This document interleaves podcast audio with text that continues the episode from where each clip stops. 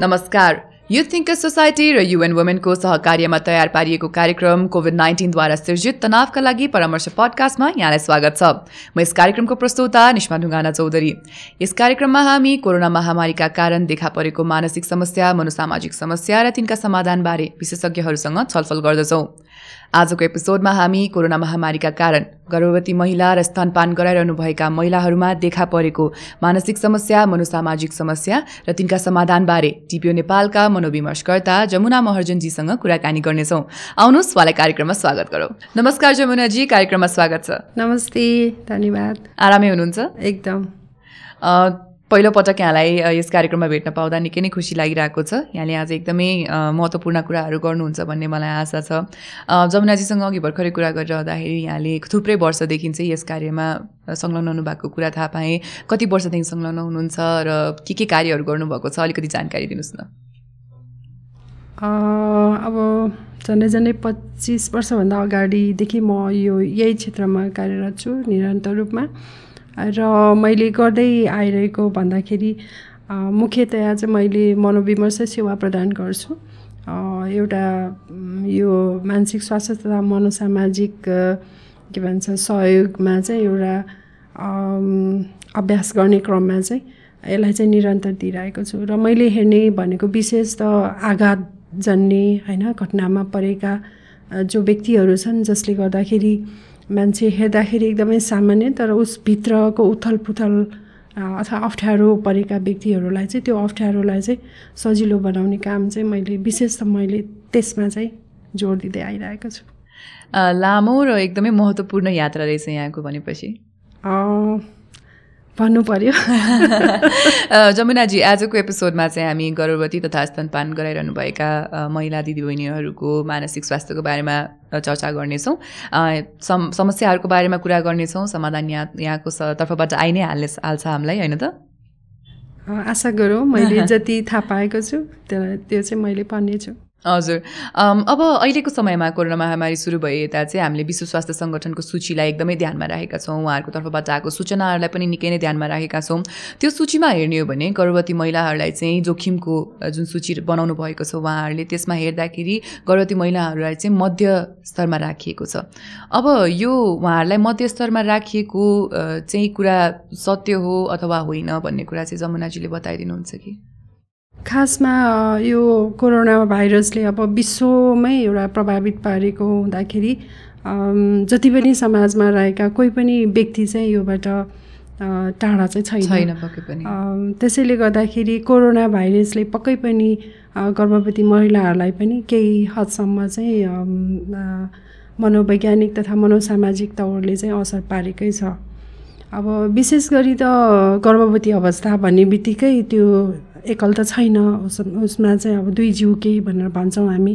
त्यसलाई अब त्यस्तो अवस्थामा विशेष आवश्यकता चाहिँ पर्छ। अर्को भन्दाखेरि चाहिँ शरीरमा अब दुई जिउ हुने बित्तिकै उसमा चाहिँ एक खालको हर्मोनल हुन्छ नि हर्मोन ले पनि असन्तुलन पारेको हुन्छ। अनि त्यो सँगसँगै अरू थुप्रै खालका चाहिँ समस्याहरू चाहिँ भोगेको हुन्छ। जस्तै एउटा मैले उदाहरण भन्नुपर्दाखेरि नेपालमा चाहिँ अब लकडाउन भएको दोस्रो दिनमा मै म चाहिँ मेरो पालो थियो। जुन दिन चाहिँ एउटा कल आयो र त्यो कलमा एउटा गर्भवती महिलाकै थियो जो जो चाहिँ पाँच महिनाको भइसकेको रहेछ र निरन्तर एउटा चाहिँ उहाँले जाँच गर्ने क्रममा चाहिँ उहाँ एकदम पौतारिँदै जाँदाखेरि उहाँले कुनै पनि सहयोग पाएन। अथवा एकदम अत्तालियो त्यो अवस्थामा उहाँको मैले फोन चाहिँ पाएको थिएँ र उहाँको भनाइअनुसार चाहिँ डेढ घन्टा करिब डेढ घन्टा चाहिँ उहाँ एकदम अलिकति डाँडामा बस्नुहुन्थ्यो। त्यो डाँडाबाट चढ्दै मेन रोडमा चाहिँ उहाँ पुग्नुभयो। तर अकस्मात अब लकडाउन भन्ने कुरा पनि सायद उहाँले नसुन्नु भएको होला। तर त्यसपछि अब कहाँ जाने के गर्ने? र घरमा पनि उहाँको श्रीमान चाहिँ ज्वरो आएको अवस्था। अब त्यस्तो अवस्थामा त सायद सबभन्दा बढी नजिक सहयोग गर्ने भने त घर परिवारका सदस्यहरू त्यसमाथि पनि आफ्नो श्रीमान होला। तर उहाँको श्रीमान ज्वरो आएको कारणले उहाँ एक्लै म आफै जान्छु नि त भनेर निस्किनु भएको अवस्थामा उहाँले के पनि नपाएर एकदमै छटपटाएर चाहिँ त्यो त्यो अवस्थामा उहाँले फोन गर्दाखेरि उहाँको त्यो आवाज सुन्दाखेरि पनि यति उहाँलाई चाहिँ अप्ठ्यारो भइरहेको थियो कि एकदम के गरौँ के नगरौँ होइन? अब कता कता त्यो अब भरै उहाँले पहिला चाहिँ उहाँलाई आफूलाई पेट नदुखेको भए तापनि त्यति बेला अब पेट दुखेको जस्तो बच्चाहरू पनि अब भित्र पेटमा बच्चा नचलेको जस्तो त्यस्तो महसुस चाहिँ भइसक्यो। डेढ घन्टा हिँड्ने भनेपछि त कति अवस्थामा चाहिँ उहाँले जुन उहाँले भोक पनि लगाइसकेको थियो होइन? न खाना न प्यास न के होइन? केही पनि थिएन। अब कहाँ जाने कसो गर्ने? यसरी अत्तालिएको अवस्था चाहिँ मैले पाएको थिएँ। त्यसैले म चाहिँ के भन्न चाहेँ भने यो बढ्दो यो जुन छ कोरोना भाइरसको सङ्क्रमण विश्वव्यापी रूपमा बढिरहेको क्रममा चाहिँ गर्भवती महिलालाई मात्रै चाहिँ नहोला भनेर भन्न सकिन्न। र विश्व अब स्वास्थ्य सङ्गठनले पनि यसलाई चाहिँ एकदमै चरम उच्च जोखिममा नपरे पनि यसलाई चाहिँ मध्यम जोखिममा चाहिँ परेको छ भनेर भनेको छ। खासै अब के भन्छ अनुसन्धानले कति छ भनेर त कति छ छैन भनेर त पत्ता लगाएको अवस्था त छैन। तर पनि भन्नुपर्दाखेरि मध्यम जोखिममा चाहिँ छन् भनेर चाहिँ सूचीमा राखेका छन्। म्यामले भर्खरै भने जसरी नै थुप्रै हामीले नसोचेको जस्तो समस्याहरू पनि गर्भवती महिलाहरूलाई आइपर्दो रहेछ होइन? भनेपछि यो समय एकदमै जटिल रहेछ उहाँहरूको लागि। अब अहिलेको समयमा उहाँहरूले यस्तै थुप्रै किसिमको समस्याहरू भोगिरहेको समयमा चाहिँ कस्तो किसिमको मनोसामाजिक अथवा भावनात्मक परिवर्तनहरू चाहिँ उहाँमा देख्न सकिन्छ त? अब भावनात्मक रूपमा भन्ने हो भने एकदमै मनमा डर त्रास सुत्न नसक्ने छटपट्टि अ, अनि केही पनि गर्न जाँगर नहुने जुन बिहान उठेदेखि नसुतेसम्म गर्भवती भए पनि एउटा घरमा गर्नुपर्ने कामकाजीहरू थुप्रै हुन्छन् त्य त्यतातिर पनि जाँगर नहुनु। सरसफाइहरूतिर पनि वास्ता नहुनु खानपानमा विशेष अब खानपानमा पनि एकदमै ध्यान दिनुपर्छ होइन? त्यतापट्टि पनि वास्ता नहुनु होइन? एक खालको मनमा धेरै सोचहरू आइराख्ने त्यो खालको भावनात्मक रूपमा चाहिँ असर हुन्छ भने अब मनोसामाजिक तौरले कतिपय गर्भवती महिलाहरू अथवा आमाहरू जो चाहिँ काम गरिरहेको अवस्था छ अब स्थायी रूपमा काम नभएकाहरू अस्थायी रूपमा भएकाहरूको त कतिको आफ्नो गरिरहेको रोजीरोटी गरी खाने काम पनि छुटेको थियो। त्यसले गर्दाखेरि आधारभूत आवश्यकता नै कसरी पुरा गर्ने भन्ने खालको मनमा डर त्रास अब केही त छ भएको चिज त अब आज खाउँला भोलि खाउँला पर्सि खाउँला प त्यसपछि के खाने भन्ने खालको आधारभूत आवश्यकतालाई नै पुरा गर्न सक्दैन भन्ने खालको मनमा त्रासहरू पनि आइरहेको थियो भने अर्को अस्पताल जानुपर्ने अब अब कसरी जाने? होइन? शारीरिक हिसाबले आफू अशक्त दिनदिनै बढ्नु बाहेक घट्ने त होइन। तर अब नियमित रूपमा जुन जाँच गरिरहेको छ त्यो अस्पताल जाँदाखेरि अब कतिपय अस्पतालहरू पनि बन्द। नजिकको स्वास्थ्य चौकीहरू पनि बन्द। सुरुको अवस्थामा त निकै गाह्रो भयो। बिस्तारै बिस्तारै अब स्वास्थ्य सेवी सेविकाहरू पछि नेपाल सरकारले उनीहरूलाई पनि अलिकति हुन्छ नि गएर सेवा पुर्याउनु भन्ने आदेश आएपछि गर्ने कुरा अर्कै भयो। तर कतिपय तर पनि मनमा डर कि गयो भने सम्पर्कमा अरू मानिससँगको सम्पर्कमा आउँछ। त्यसले गर्दा आफूलाई पनि कोरोना भाइरस सर्छ कि भन्ने एउटा डर अर्को बच्चा पेटमा भएको बच्चालाई पनि हुन्छ कि भन्ने डर भने अर्को चाहिँ अब त्यहाँ गएर आइसकेपछि मलाई त भयो भयो भएर घरमा गइसकेपछि चाहिँ घरका परिवार सदस्यहरूलाई हरूलाई पनि यो सर्छ कि भन्ने एक खालको अत्यधिक एक खालको मनमा चाहिँ डर त्रासहरू चाहिँ उत्पन्न भएको चाहिँ भएको छ। र सँगसँगै चाहिँ अब विश्वमा हेर्ने हो भने चाहिँ यो अवस्थामा विशेष गरी होइन दस प्रतिशत चाहिँ महिलाहरूमा चाहिँ डिप्रेसन हुन्छ भनेर चाहिँ भनिएको छ। अझ चाहिँ अब विकास उन्मुख देशमा चाहिँ अब राष्ट्रहरूमा चाहिँ यस्तो चाहिँ तेह्र प्रसि प्रतिशतले चाहिँ यो पाइएको चाहिँ पाइन्छ होइन? अब सँगसँगै यस्तो भन्दाखेरि चाहिँ डिप्रेसन र चिन्ता यो दुवै जब यस्तो अवस्थामा गर्भवस्थी गर्भवती अवस्थामा चाहिँ डिप्रेसन र चिन्ता चाहिँ अब अब दीर्घ अथवा चाहिँ दीर्घकालीन अवस्थामा चाहिँ यसले आमा र बच्चा दुवैलाई चाहिँ असर पुर्याउन सक्छ। जति बेला चाहिँ अलिकति खुसी अलिकति हुन हुनसक्छ होइन? एकदमै रमाइलो जे जुन अवस्था भएको छ त्यो चाहिँ भयो भनेर लिँदाखेरि त्यसले चाहिँ खटाउँछ भने एकदम धेरै चिन्ता एकदम धेरै दुःख अथवा कतिले त भावनात्मक रूपमा मलाई यति बेला नै के भन्छ गर्भवती हुनुपर्ने हो र होइन? भन्ने खालको आफैमा पनि एक खालको दोषारोपण गर्दाखेरि एक खालको निराशा आउन सक्छ। जसले गर्दाखेरि यो अवस्थामा हामीले गर्भावस्थ गर्भवती अवस्थाका जो आमा महिलाहरूले सोच्यो भने हुनसक्छ त्यसले पछिसम्म पनि असर पुर्याउन चाहिँ सक्छ। हजुर म्याम अब यी त भए परिवर्तनहरू यहाँले थुप्रै परिवर्तनहरूको कुराकानी गर्नुभयो जस्तै सा मनोसामाजिक भावनात्मक रूपमा। अब यस्तो भइरहेको समयमा अनि यस्तो समयमा कुनै पनि यस्तो मानसिक स्वास्थ्य सम्बन्धी कुनै समस्याहरू आएमा आफूलाई त्यस्तो महसुस भएमा चाहिँ गर्भ गर्भवती महिलाहरूले स्वहेरचाह चाहिँ कसरी गर्न सक्नुहुन्छ? के के उपायहरू अप्नाउन सक्नुहुन्छ? एकदमै राम्रो प्रश्न होइन? जो चाहिँ आफ्नो शरीर मन सबैलाई आफैले नै हेरविचार गर्नुपर्छ। सर्वप्रथम आफै नै हो। त्यो भनिरहँदाखेरि मलाई चाहिँ चारवटा कुरा चाहिँ यहाँनिर जोड्न मन लाग्यो। एउटा चाहिँ खानपान है सन्तुलित आहार भनेर भन्छ नि। जे जति छ खानपान अब सन्तुलित आहार भन्ने बित्तिकै एकदमै मिठो मिठो खानुपर्छ भन्ने छैन। बारीमा भएको मुला किन नहोस् होइन? एउटा अमला आफ्नै भनौँ न बारी वरिपरि सस्तो चिज किन नहोस् त्यसलाई नै हामीले प्राथमिकता दिँदाखेरि पनि फरक पर्दैन। त्यसैले पोसिलो चिज खानु पऱ्यो जसले चाहिँ आमा र बच्चाको स्वास्थ्यलाई चाहिँ एकदमै राम्रो टेवा पुर्योस् भन्ने हिसाबले चाहिँ नम्बर वानमा चाहिँ मैले त्यो भन्न चाहेँ। अर्को चाहिँ दोस्रोमा चाहिँ हल्का अब गर्भवती हुँदैमा चाहिँ चल्नै नहुने त्यो भन्ने छैन। हल्का व्यायामहरू गर्न सकिन्छ। व्यायामको रूपमा जति आफूले काम गर्न सकिन्छ होइन हिँडुलहरू गर्ने सक्ने जति कामहरू गर्ने अनि अलिकति अब अब कोरोना भनेर डर आउँदाखेरि चाहिँ श्वास प्रश्वास क्रियालाई चाहिँ एकदमै ध्यान दिने। अनि जति काम गरेको छ आफ्नो काम सकिसकेपछि अर्को तेस्रो कुरा भनेको आराम। आराम पनि एकदमै जरुरी छ। राति सुत्ने मात्रै नभइकन दिउँसो पनि अलिकति हल्का कामहरू सकेपछि आराम गर्दाखेरि बच्चा र आमाको स्वास्थ्यको लागि चाहिँ त्यो एकदमै राम्रो हुन्छ। त्यसैले आराम गर्नु जरुरी छ भनेर भन्न चाहन्छु। र अर्को अर्कोमा चाहिँ के भन्छ कतिपय मनमा चाहिँ धेरै कुराहरू आउन सक्छन्।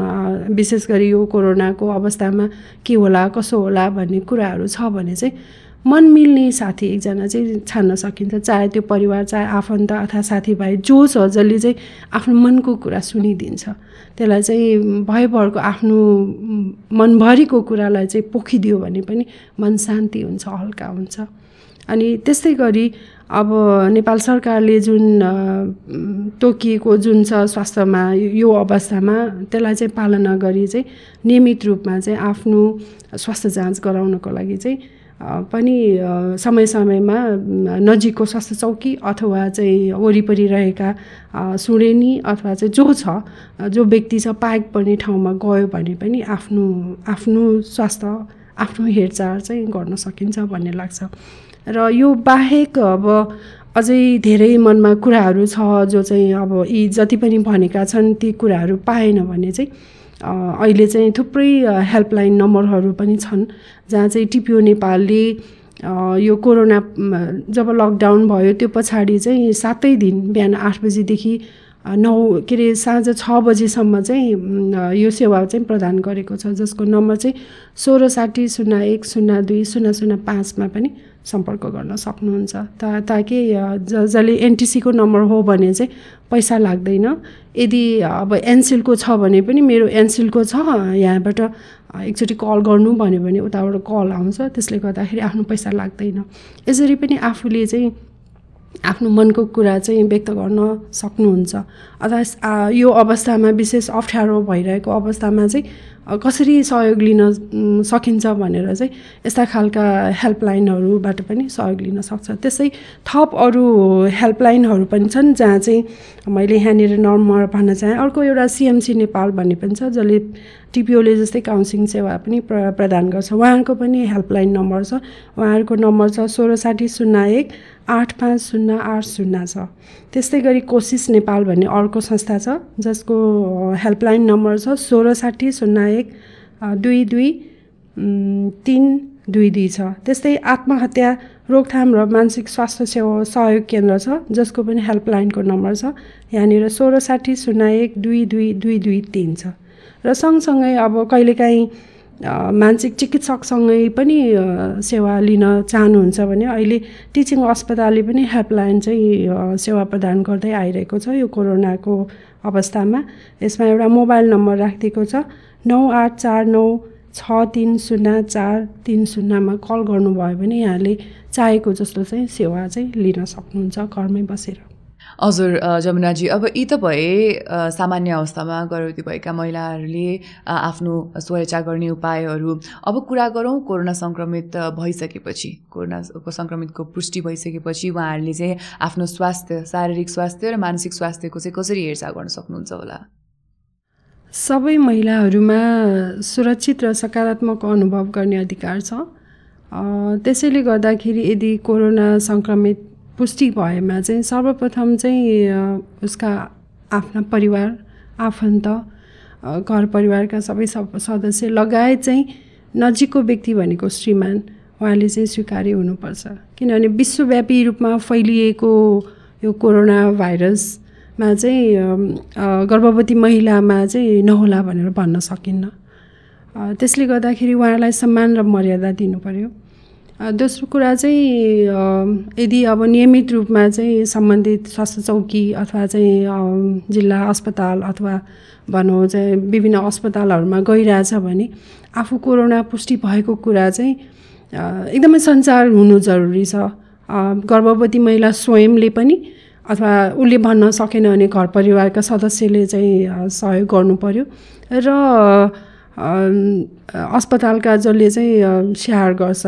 जो चाहिँ कर्मचारीहरू छन् उहाँहरूले पनि स्पष्ट रूपमा चाहिँ सञ्चार चाहिँ आदान प्रदान हुनुपर्छ। ताकि जसले गर्दाखेरि यो भनेको कसरी योबाट कसरी बस्ने भन्ने कुरा उपायहरू चाहिँ उहाँबाट पनि सञ्चार भयो भने अलिकति भए पनि सङ्क्रमित ती गर्भवती महिलाहरूलाई अलिकति राहत चाहिँ प्रदान चाहिँ गर्न सकिन्छ। त्यस्तै गरी एकदमै एउटा सहयोगी व्यक्ति चाहे घर परिवार होस् चाहे आफन्त होस् चाहे चाहिँ साथीभाइ होस् कुनै एउटा त्यस्तो व्यक्तिको छनौट पनि गर्नुपर्ने हुन्छ। जसले गर्दाखेरि कुनै पनि बेला अब समय बित्दै जाँदाखेरि होइन कोरोना सङ्क्रमित भए पनि त्यो अवस्था आउँछ कि जब चाहिँ उसको बच्चा जन्माउने समय नजिक आएको आउन सक्छ। त्यसकारण चाहिँ कुन ठाउँमा बच्चा जन्माउने अस्पतालमा हो कि स्वास्थ्य चौकीमा हो कि घरमै हो कि कहाँ हो भन्ने चाहिँ तय गर्नु अथवा पुष्टि गर्नु चाहिँ जरुरी हुन्छ। त्यसको लागि चाहिँ एउटा एकदमै विश्वासिलो व्यक्ति चाहिँ उहाँले छनौट गरिराख्नुपर्ने हुनसक्छ। र यो लगायत चाहिँ अब पुष्टि नै भएमा हुनसक्छ अरू थुप्रै खालका एकदमै धेरै ज्वरो होइन जो चाहिँ एक सय दुई तिन ज्वरोले कमी भएन खोकी निरन्तर लाग्यो सास फेर्न गाह्रो भयो भने चाहिँ अब नजिकको होइन स्वास्थ्य चौकी अथवा विभिन्न अहिले त नेपाल सरकारले पनि विभिन्न नम्बरहरू दिइरहेको छ त्यो त्यतापट्टि सम्पर्क गरेर आफ्नो स्वास्थ्य जाँचलाई चाहिँ के भन्छ राम्रो बनाउनको लागि सङ्क्रमित भए पनि त्यसबाट बच्नको लागि चाहिँ आफ्नो अगाडि चाहिँ बढ्न सकिन्छ। हजुर अनि यी सबै अब यहाँले भन्नुभएको कुराहरू सँगसँगै अहिलेको समयमा चाहिँ जसरी हामी सामान्य जनमानस सबैजनाले विश्व स्वास्थ्य सङ्गठनको निर्देशिकामा रहेको कुराहरूको नियमहरूको पालना गरिरहेका छौँ होइन? गर्भवती महिलाहरूले पनि पक्कै पनि ती सबै गर्नु नै पर्छ होला है?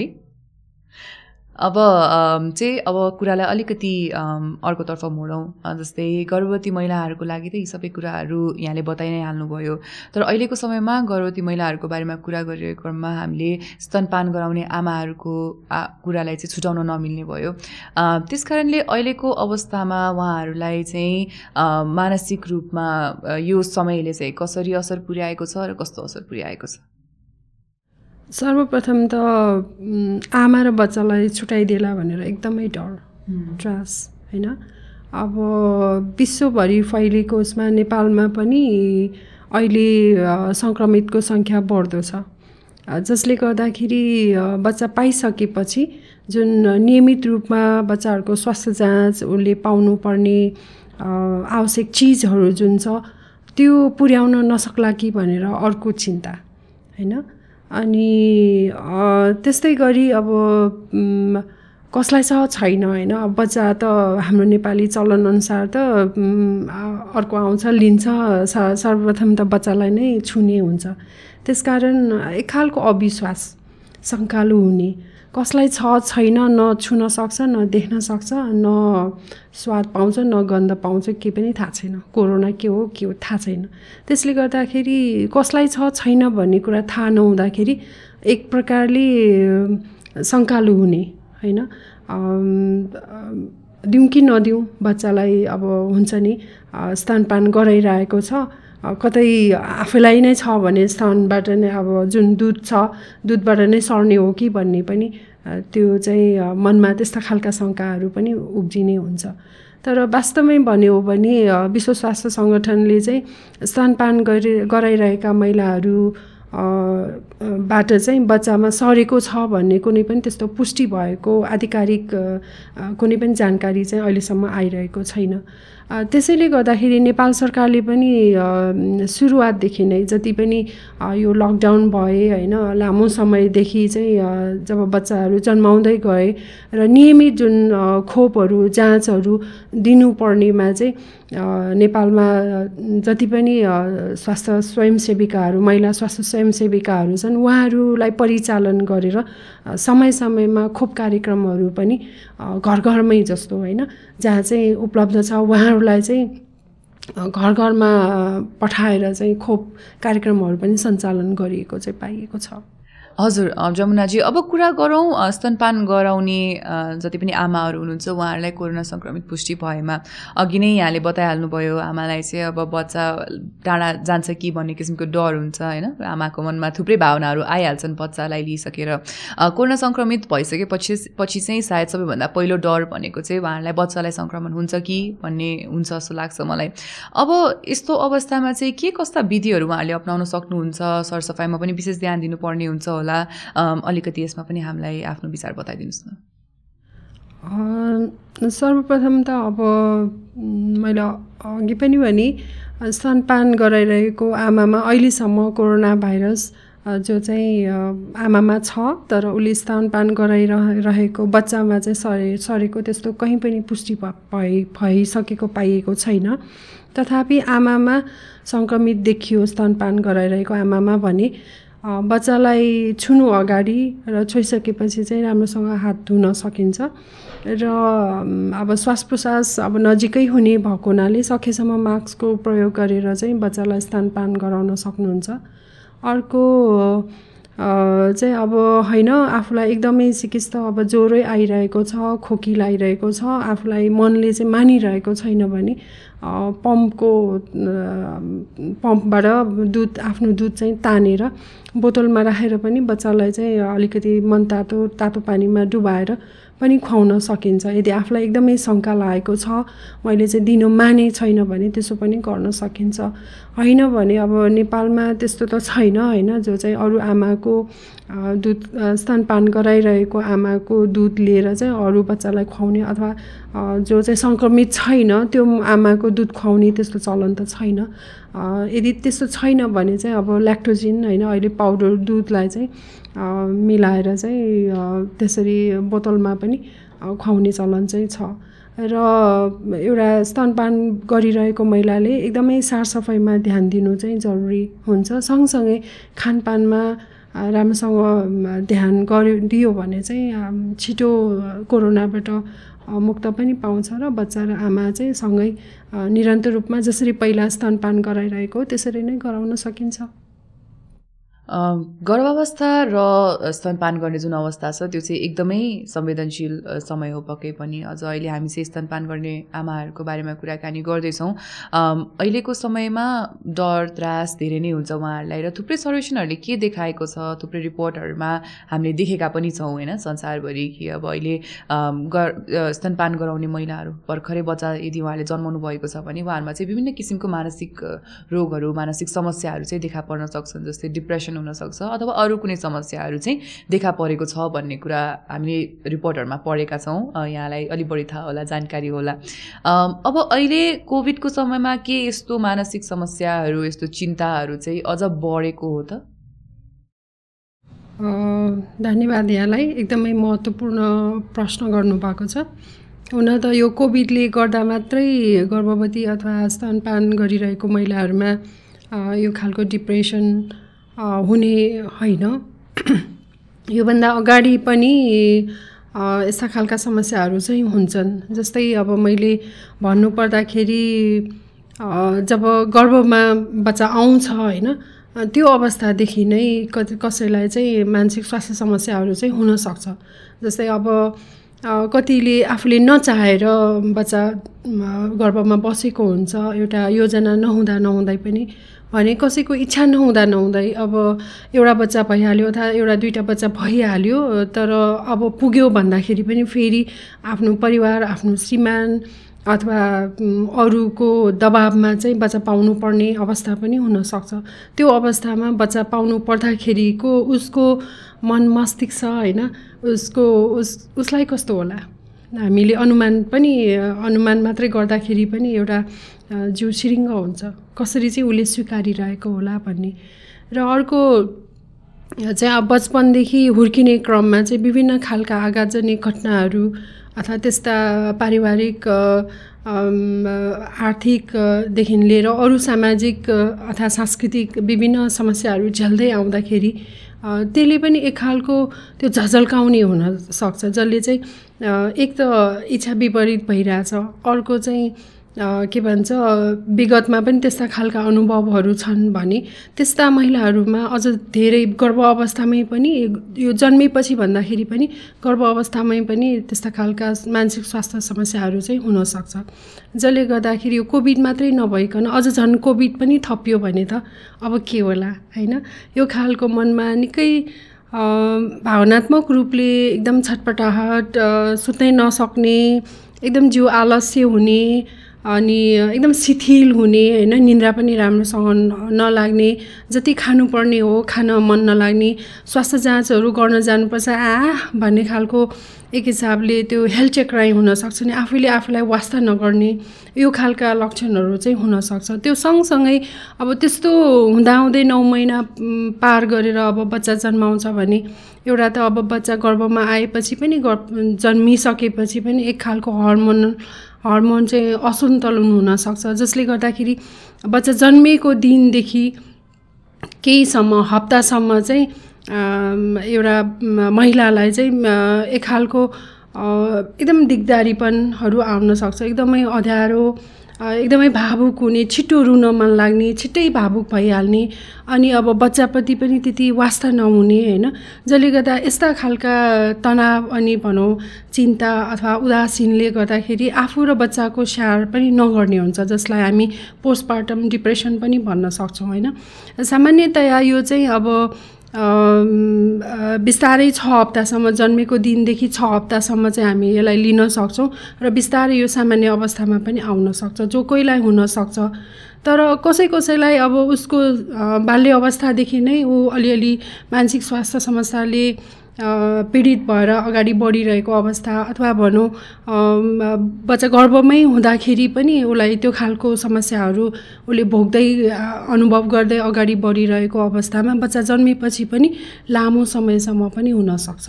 कसै कसैलाई छ महिना हुनसक्छ। कसै कसैलाई यही क्रम चाहिँ अब भनौँ न चाहे जस्तो छोरा चाहेको छ छोरी छोरी भयो अथवा छोरी छोरा चाहेको छ छोरी चाहेको छ छोरा छोरा भयो भने पनि उसलाई अझ झन् लम्बिन सक्छ। अथवा कसैलाई अब चाहँदै नचाहेको बच्चा जो जन्मियो जसलाई चाहिँ वास्तै नगर्ने पनि हुनसक्छ। अनि बच्चालाई वास्ता नगर्ने एउटा कुरा छ आफै पनि त्योबाट बाहिर आउनुको लागि त्योबाट गर्भवती भएर बच्चा जन्मिसकेर त्योबाट सामान्य अवस्थामा आउनु पनि एक खालको शिथिलता एक खालको सरसफाइदेखि खानपानदेखि बच्चाको स्याहार सुसारदेखि धेरै कुराहरूमा चाहिँ ऊ चाहिँ उसले ख्याल गर्नुपर्ने हुन्छ त्यसलाई चाहिँ व्यवस्था गर्ने पनि हुनसक्छ।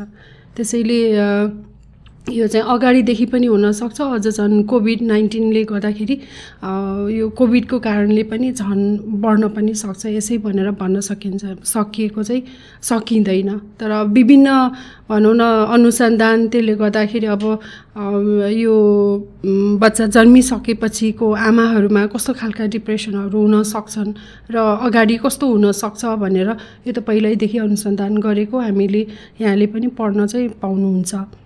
भन्ने चाहिँ मलाई लाग्छ। पक्कै पनि जमुनाजी अब यस्तो अवस्थामा यदि परिवारले राम्रोसँग साथ दिनुभयो भने होइन उहाँहरूको चाहिँ राम्रोसँग सहयोग गरिदिनु भयो भने सेवा गर्नुभयो भने चाहिँ यस्तो समयमा आएको चिन्तालाई चाहिँ अलिकति कम गर्न सहयोग गर्छ होला। हजुर। अब चाहिँ हामी हाम्रो कार्यक्रमको अर्को भागतर्फ लागौँ। यस भागमा चाहिँ हामी तथ्य वा अफवाहको खुलासा गर्छौँ। अहिले कोभिड महामारी सुरु भए यता हाम्रो समुदायमा चाहिँ विभिन्न किसिमको चर्चाको विषयहरू उठेको छ। अनि ती विषयमध्ये केही चाहिँ सत्य छन् भने केही चाहिँ अफवाह छन्। र आज म कुन विषय उठाउन चाहन्छु भन्दा हाम्रो समुदायमा उठेको एउटा मुद्दा रहेको छ। कुखुराको मासुमा चाहिँ कोरोना भाइरस पाइन्छ भन्ने एउटा चाहिँ जनसमुदायमा एउटा चर्चाको विषय उठेको छ के यो सत्य हो वा अफवाह अ, कोरोना भाइरस जनावरहरूमा आम रूपमा पाइने जनावरको एउटा चाहिँ ठुलो परिवार अन्तर्गत चाहिँ पर्दछ। तथापि कहिलेकाहीँ मानिसहरूमा चाहिँ तिनीहरूबाट सङ्क्रमित चाहिँ हुनसक्छ जब एक मानिसमा त्यो सङ्क्रमित भयो भने अरू मानिसमा पनि सर्न सक्ने सम्भावना चाहिँ हुन्छ। त्यसैले विश्व स्वास्थ्य सङ्गठनले भनेअनुसार चाहिँ सार्स चाहिँ लोखर्केबाट होइन सार्स कोरोना भाइरस चाहिँ लोखर्केबाट सरेको हो भने मर्स कोरोना भाइरस चाहिँ उँटबाट सरेको छ भनेर भनिएको छ।